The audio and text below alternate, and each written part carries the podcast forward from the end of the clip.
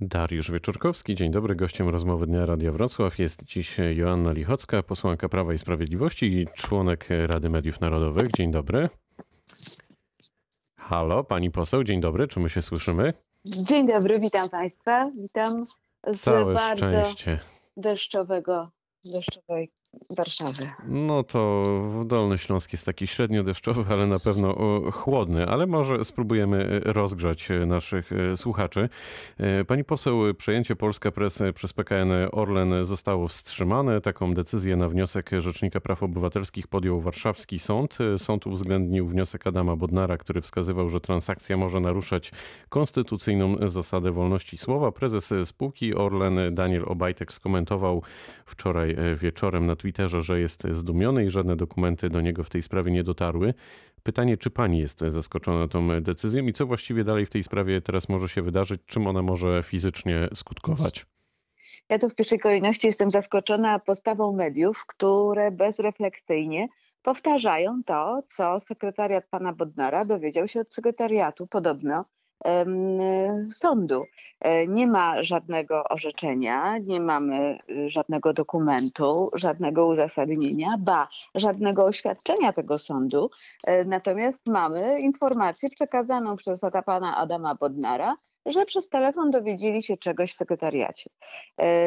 I mówienie o tym jako o wiarygodnej informacji, wiarygodnej decyzji wydaje mi się nieco przedwczesne. To wejdę w słowo, Trzeba pani poseł, mówić, wejdę w słowo. Adam Bodnar tak opowiada. No właśnie, wczoraj w telewizji TVN24 wieczorem w faktach po faktach Rzecznik Praw Obywatelskich też komentował tę sprawę. To zapytam inaczej, czy w takim razie pan rzecznik tutaj kłamie w tej sprawie? Nie, nie wiemy o czym mówi po prostu. Póki nie mamy dokumentu, póki nie mamy orzeczenia y, sądu, y, tak naprawdę nie wiemy, y, co w tym orzeczeniu jest i jaka jest decyzja sądu. Na razie mówimy o tym, że pan Adam Bodnar mówi, że czegoś się dowiedział w sekretariacie.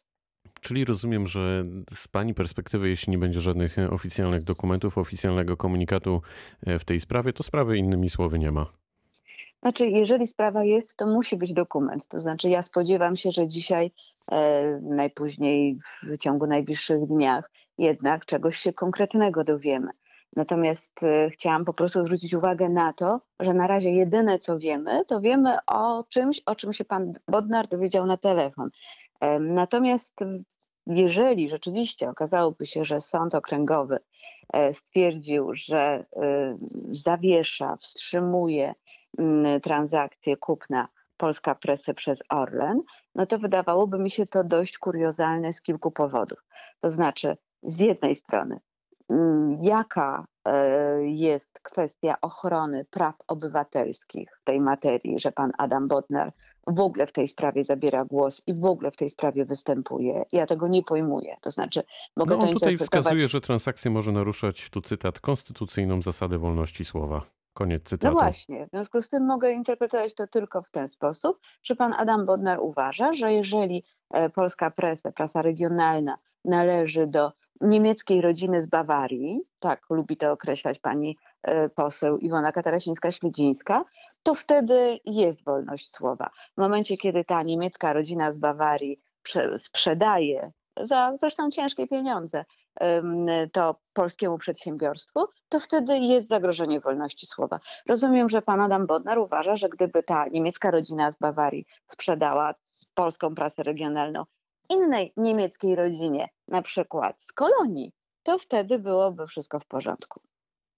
To inaczej. No to jest absurd. Mhm. Kończąc e, w sumie ten wątek, jeśli faktycznie by było tak, jak, tak jak mówi pan e, rzecznik, to, to to jest duży problem dla wydawnictwa, dla Orlenu?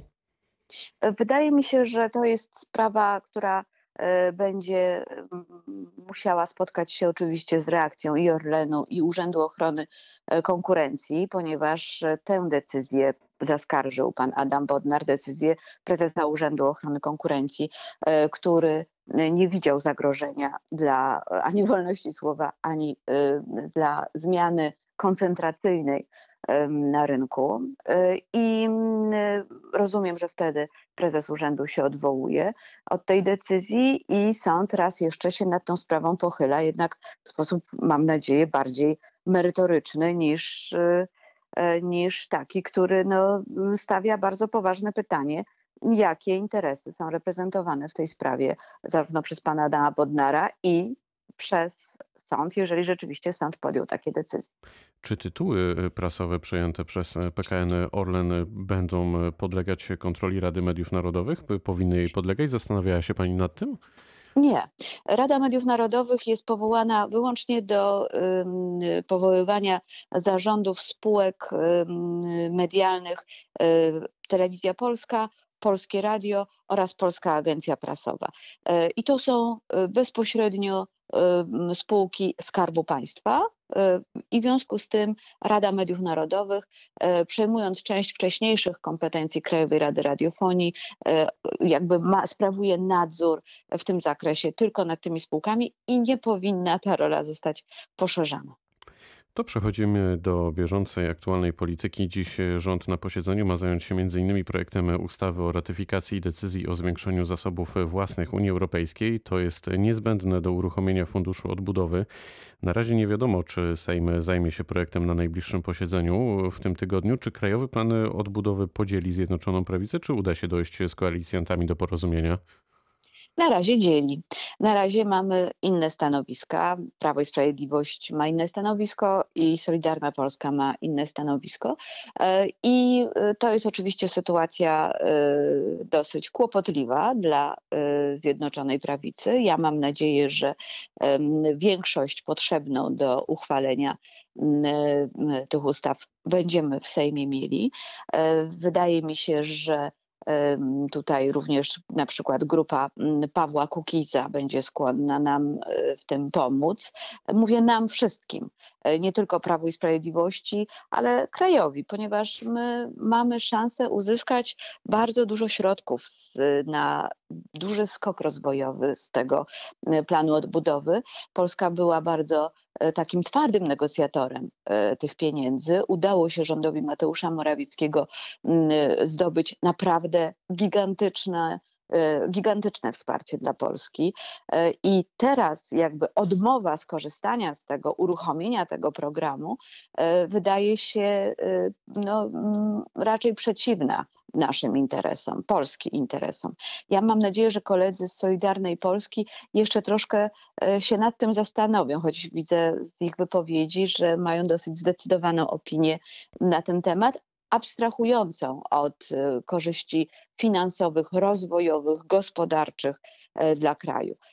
Ja nie podzielam obaw kolegów z Solidarnej Polski. Rozumiem, że ta dyskusja e, trwa i są różne w tej sprawie argumenty, ale mam nadzieję, że w końcu uda się dojść do konkluzji, ponieważ w tak ważnej sprawie różnica w głosowaniach w ramach Zjednoczonej Prawicy oznaczałaby e, no, bardzo poważny kryzys koalicyjny. A wyobraża sobie pani, pani poseł, że ten dokument e, nie zostanie przegłosowany? No przyznam szczerze, że nie, raczej sobie tego nie wyobrażam. Nie wydaje mi się, aby to e, rzeczywiście realnie mogło nastąpić, ale z wypowiedzi naszych partnerów w Zjednoczonej Prawicy wynika, że trzeba się z tym liczyć. Z tym, że warto wiedzieć, że to niesie za sobą bardzo poważne konsekwencje, tak gospodarcze, rozwojowe dla kraju, jak i dla Zjednoczonej Prawicy oznacza, no, stawia znak zapytania e, przed jej dalszym istnieniem. To trzeba sobie jasno powiedzieć. Z tym, że chciałabym też powiedzieć, że w tym tygodniu nie jest planowane, to już powiedział dzisiaj rano pan marszałek Ryszard Terlecki, nie są planowane głosowania na ten temat. Tak, ale e, też e, wspomniał o tym, że być może będzie jednodniowe posiedzenie w kwietniu i tam e, wtedy uda się te projekty ustaw przegłosować. E, czy tupiący nogą od czasu do czasu, w pewnym sensie już pani o tym powiedziała, koalicjanci mogą jednak doprowadzić do wcześniejszych wyborów, abstrahując od tego głosowania, bo jak tak śledzę wypowiedzi płynące z obozu Zjednoczonej Prawicy, to w ostatnich dniach mówił o tym Jacek Sasin, o tych wcześniejszych wyborach, mówił o tym Andrzej Sośnierz z Porozumienia i mówił o tym Michał Woś z Solidarnej Polski. Nikt nie mówi, raczej mało jest tych głosów o tym, że wyborów wcześniejszych nie będzie. Coraz więcej osób osób e, odpowiada na pytania dziennikarzy o tym, że w zasadzie tak oni sobie wyobrażają taki scenariusz. No tak, tylko że y, warto też odróżnić y, wypowiedzi oficjalne od y, rzeczywistych interesów poszczególnych ugrupowań. E, W mojej ocenie nikomu w obecnym Sejmie nie zależy na wcześniejszych wyborach. Prawo i Sprawiedliwości nie zależy, ponieważ chce zrealizować swój program, dopiąć różne ważne projekty, e, nie tylko ustawowe, ale te związane na przykład z bezpieczeństwem energetycznym Polski. To jest ważne, żeby nie ryzykować teraz e, oddania władzy ze względu właśnie na polską rację stanu, na bardzo ważne sprawy, które może ten rząd e, zrealizować. E, Opozycji kompletnie nie zależy na wcześniejszych wyborach, bo opozycja nawet nie wie, jakiego ma lidera, kto jest liderem tej opozycji, czy Trzaskowski, czy Budka, e, czy może pan Hołownia. E, Opozycja jest w proszku i wcześniejsze wybory dla nich to jest e, katastrofa. E, Dla naszych partnerów Solidarnej Polski i z porozumienia kolejne sondaże nie przynoszą również pozytywnych informacji. Dla nich wcześniejsze wybory w tej chwili oznaczają nieprzekroczenie progu wyborczego. Chociaż Solidarna Polska w jednym z sondaży już te 5% przekroczyła. Jedna jaskółka wiosny nie czyni, To co prawda. zresztą widzimy To za prawda, oknem. pani poseł, bo wspomniała pani o Pawle Kukisie. Czy Paweł Kukis już dołączył do obozu Zjednoczonej Prawicy? Bo on też w mediach wypuszcza takie różne e, sygnały. A czy pani miała okazję z nim chociażby porozmawiać w tej sprawie? Nie, ja dawno z Pawłem Kukizem nie rozmawiałam, natomiast e, słyszę jego wypowiedzi publiczne i wiem o toczących się rozmowach. E, Tutaj wydaje mi się, że e, Paweł Kukiz nie jest zainteresowany wejściem do koalicji, ale jest zainteresowany współpracą z, ze Zjednoczoną Prawicą, która by zapewniła mu realizację ważnych dla Pawła Kukiza, dla ruchu Pawła Kukiza spraw. Jedną z takich e, spraw są sądy pokoju, jest też ustawa antykorupcyjna, którą y, ruch Kukiza złożył i wiem, że na ten temat toczą się rozmowy i są to rozmowy z, toczone z dużą życzliwością z obu stron. Ja mam nadzieję, że taka współpraca będzie trwała, natomiast nie wydaje mi się, że miałaby się przerodzić w jakąś, w jakieś, w jakąś ścisłą koalicję, ponieważ e, Paweł Kukiz jest tak silną indywidualnością, że prawdopodobnie woli chodzić własnymi ścieżkami. Niemniej ta współpraca e, wydaje mi się mogłaby być owocna dla, dla kraju. Minister Edukacji i Nauki Przemysław Czarnek zapowiedział na naszej antenie, że o katastrofie smoleńskiej e, będą uczniowie uczyć się w podręcznikach historii. To jest w sumie ostatni wątek naszego spotkania dziś. Pani poseł, czy pani zdaniem da się tę historię opowiedzieć obiektywnie, zero-jedynkowo? Tak, oczywiście, że da się ją opowiedzieć obiektywnie. Da się opowiedzieć obecny stan wiedzy na temat tej katastrofy, a także na temat różnych e, gier, które się wokół tej katastrofy działy. To znaczy zarówno to, co się działo przed e, wizytą Lecha Kaczyńskiego, w, tą planowaną w e, Katyniu, czyli rozdzielenie wizyt, z jakiego powodu to rozdzielenie wizyt nastąpiło, z czyjej inicjatywy. To jest dość dobrze już opisane w dokumentach i w zeznaniach świadków. Również da się opisać to, co się działo zaraz po katastrofie i to, jak polskie państwo e, sprawdziło się albo właściwie nie sprawdziło się e, w wyjaśnianiu tej katastrofy. I moim zdaniem coraz bardziej jesteśmy bliscy tem, temu, em, żeby opowiedzieć, co było przyczyną katastrofy smoleńskiej, co tam się tak naprawdę stało. Ja obejrzałam z wielkim zainteresowaniem film przedstawiony przez podkomisję Antoniego Macierewicza. Czekam teraz na, mm, wszyscy mam nadzieję, czekamy na raport y, podkomisji smoleńskiej, gdzie to będzie bardzo konkretnie w, w, w, w, postaci państwowego dokumentu podkomisji przedstawione rzetelnie, merytorycznie, no i że prokuratura, która ten dokument dostanie, zweryfikuje zawarte tam tezy. Wydaje mi się, że te wyniki laboratoriów e, z Włoch i z, e, i z innych państw będą też e, miały duże znaczenie dla tego, jak w podręcznikach historii w przyszłości ta katastrofa będzie opisywana. To znaczy nie da się uciec od tych informacji, że tam znaleziono e, ślady materiałów e, wybuchowych. No to czas e, pokaże, myślę sobie. Niech to będzie, niech to będzie puenta, jak to wszystko się e, jeszcze e, rozwinie. Poseł Joanna Lichocka, Prawa i Sprawiedliwość, Rada Mediów Narodowych, była dziś gościem Radia Wrocław. Bardzo Dziękuję. dziękuję za spotkanie. Pozdrawiam Wrocław i Dolny Śląsk. Pytał Dariusz Słońca. Wieczorkowski, również słońca, dobrego dnia.